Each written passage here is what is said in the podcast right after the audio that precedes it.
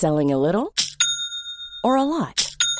Shopify helps you do your thing however you cha-ching. Shopify is the global commerce platform that helps you sell at every stage of your business. From the launch your online shop stage to the first real life store stage, all the way to the did we just hit a million orders stage. Shopify is there to help you grow. Shopify helps you turn browsers into buyers with the internet's best converting checkout. 36% better on average compared to other leading commerce platforms because businesses that grow grow with Shopify. Get a $1 per month trial period at shopify.com/work. shopify.com/work.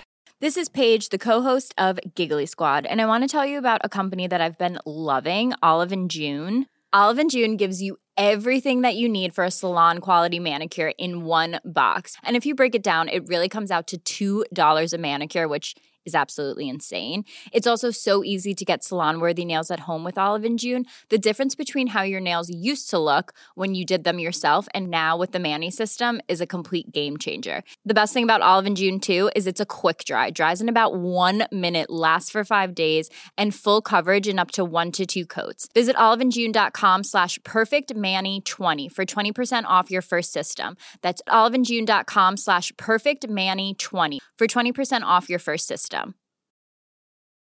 Hiring for your small business? If you're not looking for professionals on LinkedIn, you're looking in the wrong place. That's like looking for your car keys in a fish tank.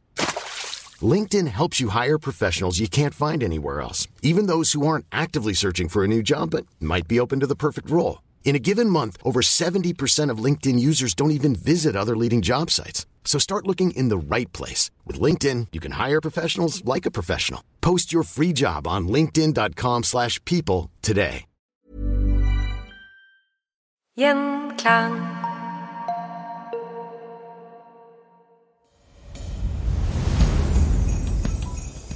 Velkommen til Historier som endret verdens julespesial. På besøk hos oss i dag har vi Ane Orvik. Du har tidligere snakket med min kollega Kristian i Historier som endret Norge, om nisser i Norge. Men disse snodige skapningene ligner ikke veldig på colanissen som vi kjenner han, og det er den internasjonale nissen vi skal snakke om i dag. Hvordan en helgen endte opp med å fly rundt med reinsdyr og klatre ned piper.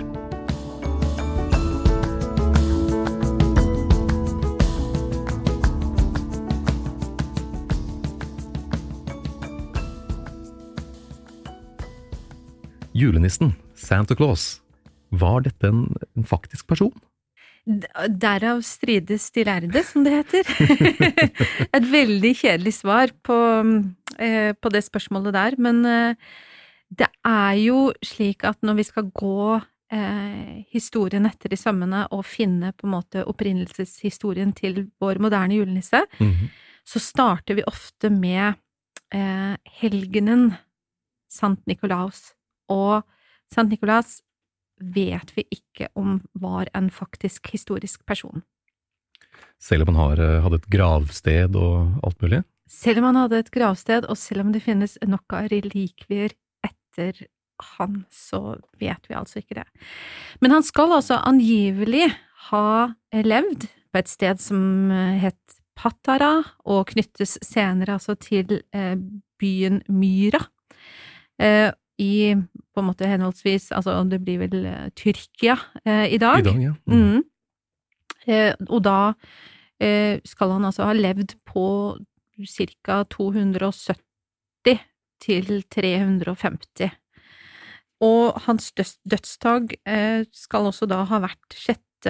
desember, derav mm. festdagen Sankt Nikolas 6. desember.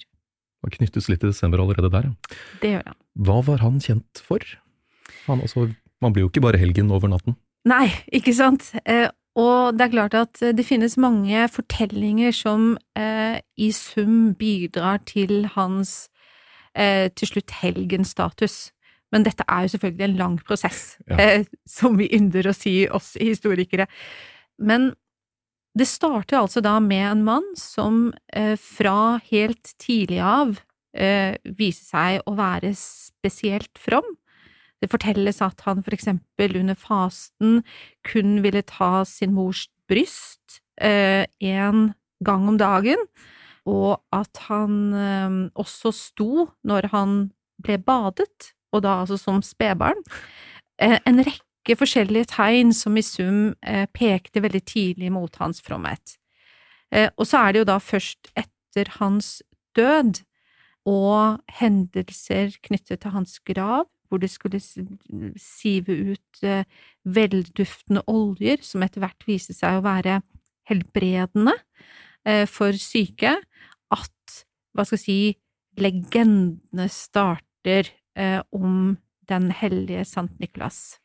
Litt spesielt å drikke flytende ting som kommer ut av graver, men hvordan blir han da koblet til det å gi gaver? Han var både from, men Ja, jeg tror, jeg tror vi skal Jeg tror vi igjen må på en måte tilbake til alle disse fortellingene som knytter seg til Niklas, fordi eh, gjennom da middelalderen, eh, fra liksom, hva skal jeg si, en periode etter hans angivelige død, mm -hmm. og da gjennom hele middelalderen frem til på en måte 1400- og 1500-tallet, så bygger det seg opp et vell av fortellinger om Nikolas. Og da Nikolas som en eh, from mann, eh, senere biskop, som blir helgen fordi at han jo da helbreder, og det er mirakler ved hans eh, grav, eh, men også fortellinger som viser til hvordan han redder mennesker i nød. Mm. Og han blir jo etter hvert en veldig populær helgen i middelalderen. Det vies en et utall av, av, kirker til han. I Norge så er jo Nicolas på hva skal jeg si, er det åttendeplass eh, i popularitet blant eh, helgenene i middelalderen, fordi 13 kirker er dedikert til Nicolas. Det er imponerende. Ja, ikke sant? Men fortellingene om han forteller om hvordan han eh, for eksempel redder en far som er i økonomisk nød, har tre unge jomfru, jomfruelige døtre som skal giftes bort, men han har ikke penger til medgift. Oh. Og eh, så er det Nicolas som om natten eh, kaster inn penge... Altså punger fulle av penger som bidrar til at han greier medgiften for den ene datteren etter den andre. Og det er også fortellinger som forteller om hvordan han redder unge studenter som eh, på brutalt vis er blitt Eh, drept, altså robbet eh, og drept eh, og maltraktert og plassert i salttønner av, av et ektepar som driver et vertshus. Og da kommer Nicolas, tar inn på vertshuset, en annen rugler i mosen og etter hvert redder disse guttene, eller vekker dem opp til live igjen, rett og slett. Oi. Og det ser man jo altså, altså dette blir jo da også et veldig viktig attributt knyttet til Nicolas når du ser avbildinger av han i middelalderen. Så under middelalderen så får han da ja, flere attributter? Han, flere, han avbildes gjerne med disse tre guttene i salttønnene ved føttene, eller han avbildes med pengepunger eh, med gull i hendene, som viser til disse legendene. Eh, så det er fortellinger som også skaper han som en gavegivende figur. Og så er det 6. desember som er festdagen hans. Så etter hvert i middelalderen eh, så knyttes han til kirkespill, hvor man, hva skal jeg si, spiller ut deler av eh, kirke... Altså den Historie. bibelske fortellingen, mm. ikke sant? Disse kirkespillene tas ofte ut i gater. Det er vanlige mennesker som spiller ut disse fortellingene, og i denne prosessen her så blir på en måte Nicolas en gavegivende figur, og da ser vi de første tegnene til at han får en viktig funksjon som det i, i julefeiringen. Barn setter ut en sko utenfor døren sin eh, eh rundt 6. desember, eh, eller de lager båter av papir, setter utenfor, og så fylles de med gaver i løpet av natta. Mm. Så han og gaver knyttes til desember på grunn av hans, at han døde den 6. desember? Eller er det også med på grunn av Ja, det knyttes til hans festdag, så, de, så han markeres da også som en, hva skal jeg si, en gavegivende figur, så han blir sånn symbolsk gavegiveren knyttet til 6. desember. Så vi er fremdeles ikke knyttet han til julaften, Nei. eller liksom første dag, eh, i så måte, men han er nå iallfall i desember-modus. ja. Men det var ikke bare gaver og gavmildhet eh, han var kjent for, han kunne også være litt streng og straffe de som ikke oppførte seg. Var det også i middelalderen det kom? Ja, eh, det var jo ikke bare fryd og gammen da heller, vet du. så, nei, så det er, det er klart at han får jo eh, også en oppdragende eh, rolle, og det har han jo eh, automatisk som en helgen, med helgenfortellinger knyttet til seg. Eh, de har jo en moral, eh, de har et budskap, og det er jo, hva skal jeg si, forbilledlige Mm. fortellinger som, eh, som man skal på en måte ta lærdom av og, og følge. Eh, han knyttes jo spesielt til barn. Um, eh, han er jo på en måte også barnas eh, beskytter eh, som helgen, sånn at um, det at han også får en oppdragende figur, det, det er også tydelig, og så blir det kanskje enda tydeligere etter reformasjonen, når på en måte julefeiringen utvikler seg videre, og man får på en måte ulike typer kompanjonger knyttet til, til Nikolas. Ja, for han har jo da altså, eh, det, vår nåværende julenisse, hvis det Mhm. det. altså. Han har jo medhjelpere på Nordpolen som hjelper han å lage gaver, som vi Ja. ser Ja. i, men eh, i populærkulturen. Og så har han jo de reinsdyrene. Hadde mm. han da andre medhjelpere i andre land og i til ulike tider? Ja, du kan si at de medhjelperne vi snakker om eh, der, eh, de som du nevner, de er jo ganske godlynte og godslige alle sammen, eh, og svært ufarlige egentlig. Eh, Men hvis du går til mer sånn lokale og regionale tradisjoner både i Europa og i USA, så har du jo i Sveits og Østerrike, og du har i Nederland og Tyskland, du har ulike varianter av følgesvenner som kan hete Knecht Ruprecht, eller de kan være Pelschnikol i, i USA, liksom Pennsylvania-traktene, som er mer eller mindre skrekkinngytende, eh, utkledde mennesker som har ofte til til hensikt å skremme barn. Skremme barn men også være Ja, ja, skremme barn, faktisk. Men også være den, hva skal jeg si, den som utfører straff Mm. hvis man ikke har vært snill eh, og ikke gjort seg fortjent til gave. Eh, og vi skal jo huske på at her er det jo på en måte en type fortellingstradisjon som her blir på en måte levendegjort gjennom at folk kler seg ut og spiller på en måte disse ulike figurene. Eh, og da er det jo på en måte begge sider av saken som, som, eh, som kommer til live, da. Straffen hvis du ikke har vært snill, og, eh, og gaven og belønningen hvis du har vært snill. For å få komme et lite utdrag her fra boken din Nisser, fra helgen til Sinnatag. -hmm. Når Nicolas straffer barna, er han også fremstilt som en aggressiv type. Tre unge gutter som ikke adlyder formaningene fra Nicolas om å la være å erte en sorthudet gutt, blir ikke vist nåde. Og Nicolas ble som tordenvær, du ser det godt på bildet her, han trådte til, var ikke sen, og grep de tre i arm og ben, ja, Wilhelm-gutt og Ludvig, og Kaspar med i samme sig, og i sitt blekkhus dyppet han, skjønt Kaspar ropte høyt om brann, de tre i blekk foruten mas, slikt gjør den store Nicolas. ja. Eh, det du på en måte viser til der, er jo eh, også den eh, veldig rikholdige og varierte litteraturen som etter hvert knytter seg til, til Nicolas-figuren. Fordi at en ting er nå at han er en kristen figur. Mm. Eh, han er en eh, hva skal jeg si, katolsk helgen. Han på en måte fortsetter å være en sånn høyreist, litt sånn alvorlig mannsfigur også i den hva skal jeg si, protestantiske eh, delen av Europa. Eh, men så blir han også en veldig tydelig figur i den voksne barnelitteraturen, særlig på begynnelsen av 1800-tallet. Så protestantene har jo ikke ja, de ser jo ikke på helgener på like stor måte som katolikkene. Nei, de ser jo til dels ublidt på helgenene, og de ville jo Altså, Luther ville jo selvfølgelig eh, helgendyrkelsen eh, og disse miraklene til livs, mm. um, for de trodde han jo selvfølgelig overhodet ikke på. Uh, og der, i det dragsuget der, gikk jo for så vidt også Nicolas.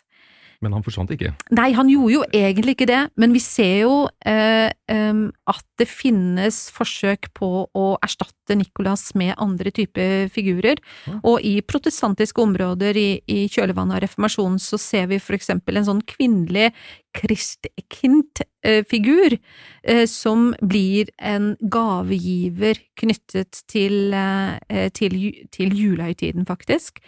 Og eh, det er faktisk spor av at Kristian eh, 4., ehm, eh, den dansk-norske kongen på 1600-tallet, jo som barn kjente til denne tradisjonen med denne ehm, kvinnelige figuren med en lysende lyskrone rundt hodet som kom og ga gaver på eh, ved jul. Ja. Det høres veldig koselig ut, da. Veldig koselig, ja. Vi kunne da egentlig hatt en kvinnelig julenisse. Ja, ikke sant, hvis den hadde fått spredt opp seg. Den er for så vidt fremdeles eh, å se som, som, del av opptog i, i tyskspråklige områder i Europa. Det, det, er den.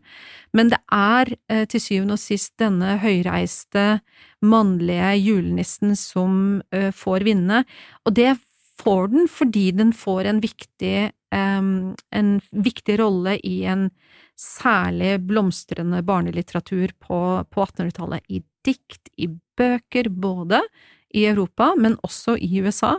Og det er jo i USA eh, hvor du får eh, hva skal jeg si, Santa Claus med ja.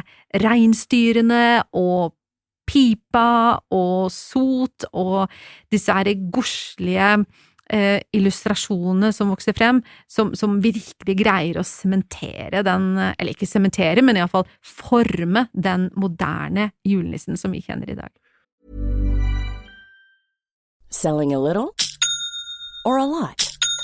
Shopify helps you do your thing however you cha-ching. Shopify is the global commerce platform that helps you sell at every stage of your business. From the launch your online shop stage to the first real life store stage, all the way to the did we just hit a million orders stage.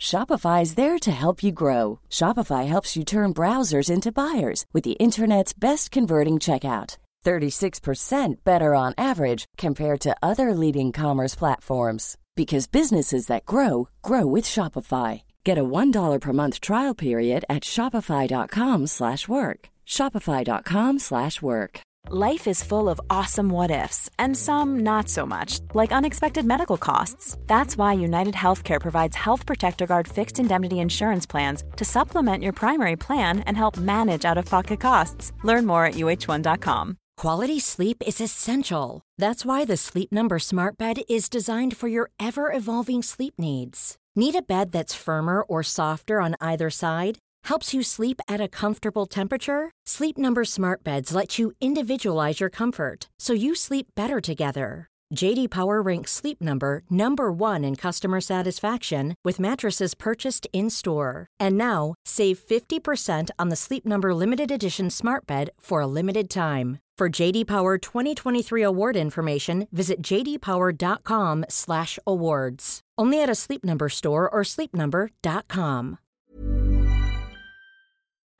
Og hvordan er um, julenissen i uh, Nederland, for eksempel? Nederland er jo et sånt herlig eksempel på hvordan eh, Nicolas-tradisjoner Nicolas har fått sine hva skal si, ulike fortolkninger og lokale særpreg. Og i Nederland så er jo da nettopp eh, Sinterklaas-tradisjonen et veldig sånn særnorsk nederlandsk fenomen, vil jeg si. Han er jo på en måte veldig tydelig koblet til hva skal jeg si, middelalder-Nicolas. Eh, fordi den dag i dag så er jo båten og skoen med gaver eh, noe som ikke er fremmed for, eh, fremmed for eh, nederlenderne. Og så har de på en måte Nicolas med i denne her store, viktige prosesjonen hvor han kommer mm. inn med båten. eh, den 6. 6. desember, og, og er del av en stor, stor prosesjon. Og da er han som en type gavegiver, men gavegiver til 6. desember og ikke til julaften. Og så har du jo selvfølgelig, og så er han jo, altså tradisjonelt så har han jo hatt følge av denne svertepit, som jo i, i nyere tid har skapt selvfølgelig kontroverser fordi eh, man har på en måte stilt seg spørsmålstegn om hva er det han skal symbolisere, og man har kritisert på en måte måten man har svartmalt ansiktet på, og den da litt negative rollen denne figuren har i selve opptoget. Men de fortsetter å Men de fortsetter, de fortsetter med eh, altså Sinterklaas er fremdeles en veldig viktig figur i den nederlandske tradisjonen. Men bruker de da uh, colanissen til jul, eller? Ja, jeg, jeg vil si at eh, colanissen er jo nå et helinternasjonalt fenomen, et globalt fenomen. Så du kan ikke finne det sted og det land, tror jeg, som ikke, som ikke kan nikke gjenkjennende til den figuren. Du nevnte i stad Pelsnikol. Pelsnikol, ja. Ja. Ja. Kan du fortelle litt om det? For det var da tysk Ja, eh, det eh, nok helt sikkert en, en tradisjon som, eh, som tyske, østerrikske eller eh, ja, altså som europeiske immigranter tok med seg til østkysten av, eh, av USA, og, og videreførte der. Men der fikk den jo da på en måte navnet Pelsjnikol, og så ble en, en type avart av av eh, Nicolas-figuren, men da som den skremmende, straffende figuren som Ok, så de hadde både Sankt Niklas, eller Santa Claus, og Pels-Nicol. Ja, eh, i den grad vi har på en måte kilder til det, så, har vi, så, så, så, er, det, så er det lokale tradisjoner som vitner om eh, om at de hadde dette. Men nissen som vi kjenner han i dag, da, Santa Claus med rød drakt, Mm. når ble han formet? Når fikk vi han? Og det vil si, når egentlig også ble Pels-Nicol borte? Ja, Pelsnikvold var vel først og fremst eh, lokale tradisjoner som eh, på østkysten av, eh, av USA. Det som ble veldig tydelig utover på 1800-tallet, er jo, hva skal jeg si, formgivningen, kan man kanskje si, av, av den, den moderne julenissen, denne Santa Claus, med stor mage og runde, gode kinn. Eh, På 1800-tallet så var han langt fra noen sånn veldig barnevennlig eh, figur i, med våre øyne. Han kunne liksom kikke skjevt til damene, og han røkte sin pipe og var godlynt og kunne sikkert også nyte sin alkohol. Men, men fortellingene eh, som blir skapt, eh, de blir mm, også skapt gjennom barnelitteraturen. Og du har for eksempel et eksempel på en mann som het eh, Clement Clark Moore, en professor, men også en forfatter, som, eh, som en jul ville eh, skrive et eh, dikt, altså en fortelling om denne Nicolas til, til eh, sitt barn, og som på den måten greide å skape den her fantastiske fortellingen om disse reinsdyrene og Rudolf som flyr over hustakene, og julenissen som kommer, igjen, kommer ned gjennom skorsteinen, ikke sant? Dette blir jo senere utgitt som bok, eh, og vi vet jo den dag i dag hvor viktig disse reinsdyrene og eh, julenissens gaveslede og skorsteinen og sokkene er for eh, på en måte den amerikanske og den engelskspråklige tradisjonen. Absolutt. Så, så det, var, eh, det var en viktig eh, inspirator til den moderne nissen. Og det var han som fant opp reinsdyrene. Det var faktisk han som fant det. Og det finnes et helt herlig, en helt herlig oversettelse av eh, Moores eh, dikt av Haldis Moren Vesaas eh, på norsk. Så den er, den er verdt en, veldig, veldig mange vers, da. Eh, men veldig godlynt og, og, og veldig, et veldig fint, fint dikt. Og så har du for eksempel eh, reklametegnere sånn som eh, Thomas Nash, som, som, eh, som var aktiv på slutten av 1800-tallet, og som nettopp tegner denne, ikke sant, denne herre storvokste, ikke sant, godlynte, godlynte nissen. Du kan virkelig se gjennom eh, disse bildene hvordan, hvordan eh, starten på Coca-Cola-nissen, sånn som vi kjenner den, Mm. eh, eh, er satt, ikke sant? Og så får du med eh, den svenskættede Coca-Cola-tegneren Haddon Sundblom Mm. eh, eh, virkelig formgitt den moderne Coca-Cola-nissen med rød drakt, bredt belte, eh, eh, han har kastet pipen sin, drikker Coca-Cola istedenfor, eh, og dette, dette blir altså formgitt eh, fra og med 1931 og utover. Det er ganske nytt, altså. Ja, det er ganske nytt, men, men da skal vi vite at eh, vi nå har sveipet igjennom eh, ja, 1800 års historie allerede, så det er klart eh, eh, Men den julenissen som vi ser da gjennom Coca-Cola-nissen, er, eh, er formgitt av denne reklametegneren på, på 1930-tallet. Men hvorfor,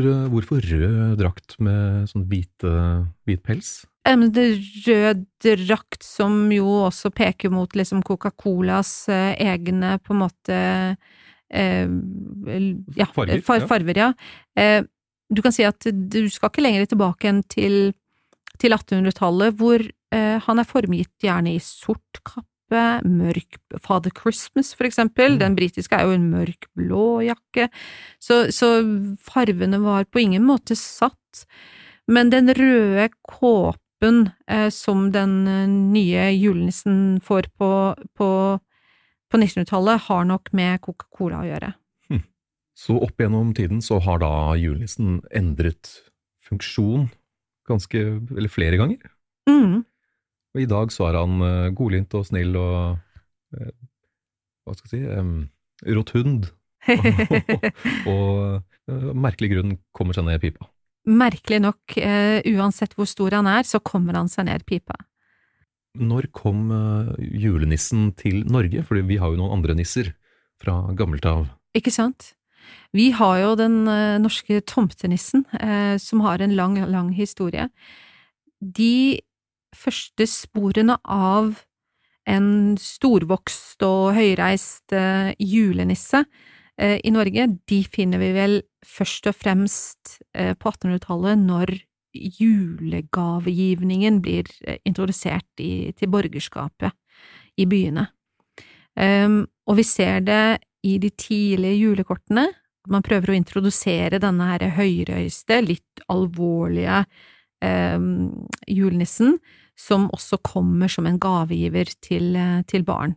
Det var ikke bare lett å introdusere han i den norske kulturen. Mm, Helt nytt konsept. Ja, det var et ganske nytt konsept, det var det. Det var jo et nytt konsept å gi julegaver. Eh, det hadde man jo på en måte til dels gjort tidligere bare til tjenerskapet, men, eh, men i det voksne borgerskapet på 1800-tallet så ble det vanlig å gi gaver som ikke bare var nyttegaver til jul, men man ga barn leker og, og så videre. Og det var jo noe som vi da, som spredte om seg etter hvert, og som ble eh, mer og mer vanlig ut på 1900-tallet. Var introduksjonen av denne nye julenissen var den eh, litt helt problemfritt? Nei, den var ikke helt problemfritt. Altså, man, eh, man lurte jo fælt på hva denne figuren var for noe, hva den egentlig skulle symbolisere, og em, etter hvert som den også ble introdusert på juletrefester, og man begynte å produsere julenissemasker, ikke sant, i ulike perioder før annen verdenskrig og sånn, så var det, så var det kritiske røster som mente at dette her var en hedensk figur som bare kunne bidra til å skade barn. Um, og, og man var skeptiske til å bruke denne figuren uh, i julefeiringen, men man kan vel kanskje trygt si at eh, ja, etter annen verdenskrig så var på en måte julenissen trygt introdusert i den norske julefeiringen, og i alle lag av samfunnet, og i by og på land. Mm. Eh, og så har du jo, og det, og det ser du jo for eksempel eh, veldig godt i Alf Prøysens eh, klassiske julefell, julefortelling om snekker Andersen og julenissen, som gis gis ut på slutten av 1950-tallet. Da er på en måte julenissen klar. Men greier da den nye julenissen å leve sammen med de gamle norske tomtenissene? Ja, de lever egentlig side om side, de beste velgående, vil jeg si. Og de har litt sånn ulike, altså ulike funksjoner, kan man kanskje si, eh, i den norske julefeiringen. Altså, de første julekortene på 1800-tallet prøver jo å gjøre den eh, lille norske tomtenissen til en gavegiver. Du kan se liksom tomtenissen illustrert på postkort hvor den sleper sleper en vogn med julegaver etter seg, for eksempel. Eh, men tomtenissen som en julegavegiver, den slår aldri helt an. Men det er altså den storvokste um, og litt sånn disiplinerende julenissen da, som uh, kommer og sier 'er det noen snille barn her', ikke sant, som, som blir den store gavegiveren. Så tomtenissen blir et mer sånn norsk julesymbol, mens den storvokste julenissen blir gavegiveren. Og da må jeg jo spørre deg, hvordan har julenissen forandret verden? Hæ? Julenissen har jo forandret verden fordi at uh, julenissen har gitt verden et veldig, veldig viktig og veldig, hva skal jeg si, universelt julesymbol. Selv om vi nå på en måte har gått igjennom en 1800 års eh, historie hvor julenissen har vært en, eh, et viktig religiøst symbol, den har på en måte gått fra rollen som helgen til en mer sånn ikke-religiøs figur, så, så, vil jeg i hvert fall si at julenissen i dag er et, et symbol og en figur som veldig mange kan på en måte samles om og enes om, på tvers av nettopp kulturer, religioner eh, eh, og liksom politiske standpunkt. Det er veldig lite kontroversielt å skulle på en måte være glad i en gavegivende eh, figur rundt juletider som sprer på en måte et eh, budskap om snillhet og, eh, og gavmildhet. Det skal godt gjøres å være sint på julenissen. Ja, det skal det. da er det bare å takke deg, Ane Orvik, for litt julestemning og kulturhistorisk påfyll. Og så må jeg så klart anbefale boken din Nisser fra helgen til Sinnatag. Og til alle dere som lytter på, god jul! God jul! Og så er det bare å følge oss på Instagram Historier som endret verden i ett ord, for fun facts og bilder og litt mer info. På gjenhør. Denne episoden ble presentert av Radio Metro og Metro Sounds. Hør flere episoder og våre radiokanaler i Oneplay-appen. Gjenklang.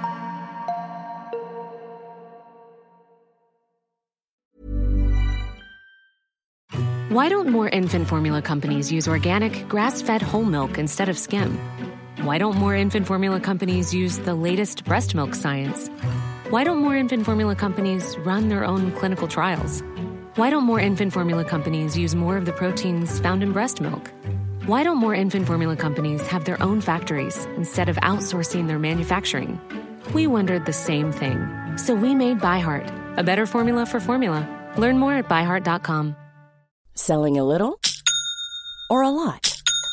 Shopify helps you do your thing however you cha-ching. Shopify is the global commerce platform that helps you sell at every stage of your business. From the launch your online shop stage to the first real life store stage, all the way to the did we just hit a million orders stage. Shopify is there to help you grow. Shopify helps you turn browsers into buyers with the internet's best converting checkout. 36% better on average compared to other leading commerce platforms because businesses that grow grow with Shopify. Get a $1 per month trial period at shopify.com/work. shopify.com/work. Mom deserves the best, and there's no better place to shop for Mother's Day than Whole Foods Market. They're your destination for unbeatable savings, from premium gifts to show-stopping flowers and irresistible desserts. Start by saving 33% with Prime on all body care and candles. Then get a 15-stem bunch of tulips for just $9.99 each with Prime. Round out Mom's menu with festive rosé, irresistible berry chantilly cake, and more special treats. Come celebrate Mother's Day at Whole Foods Market.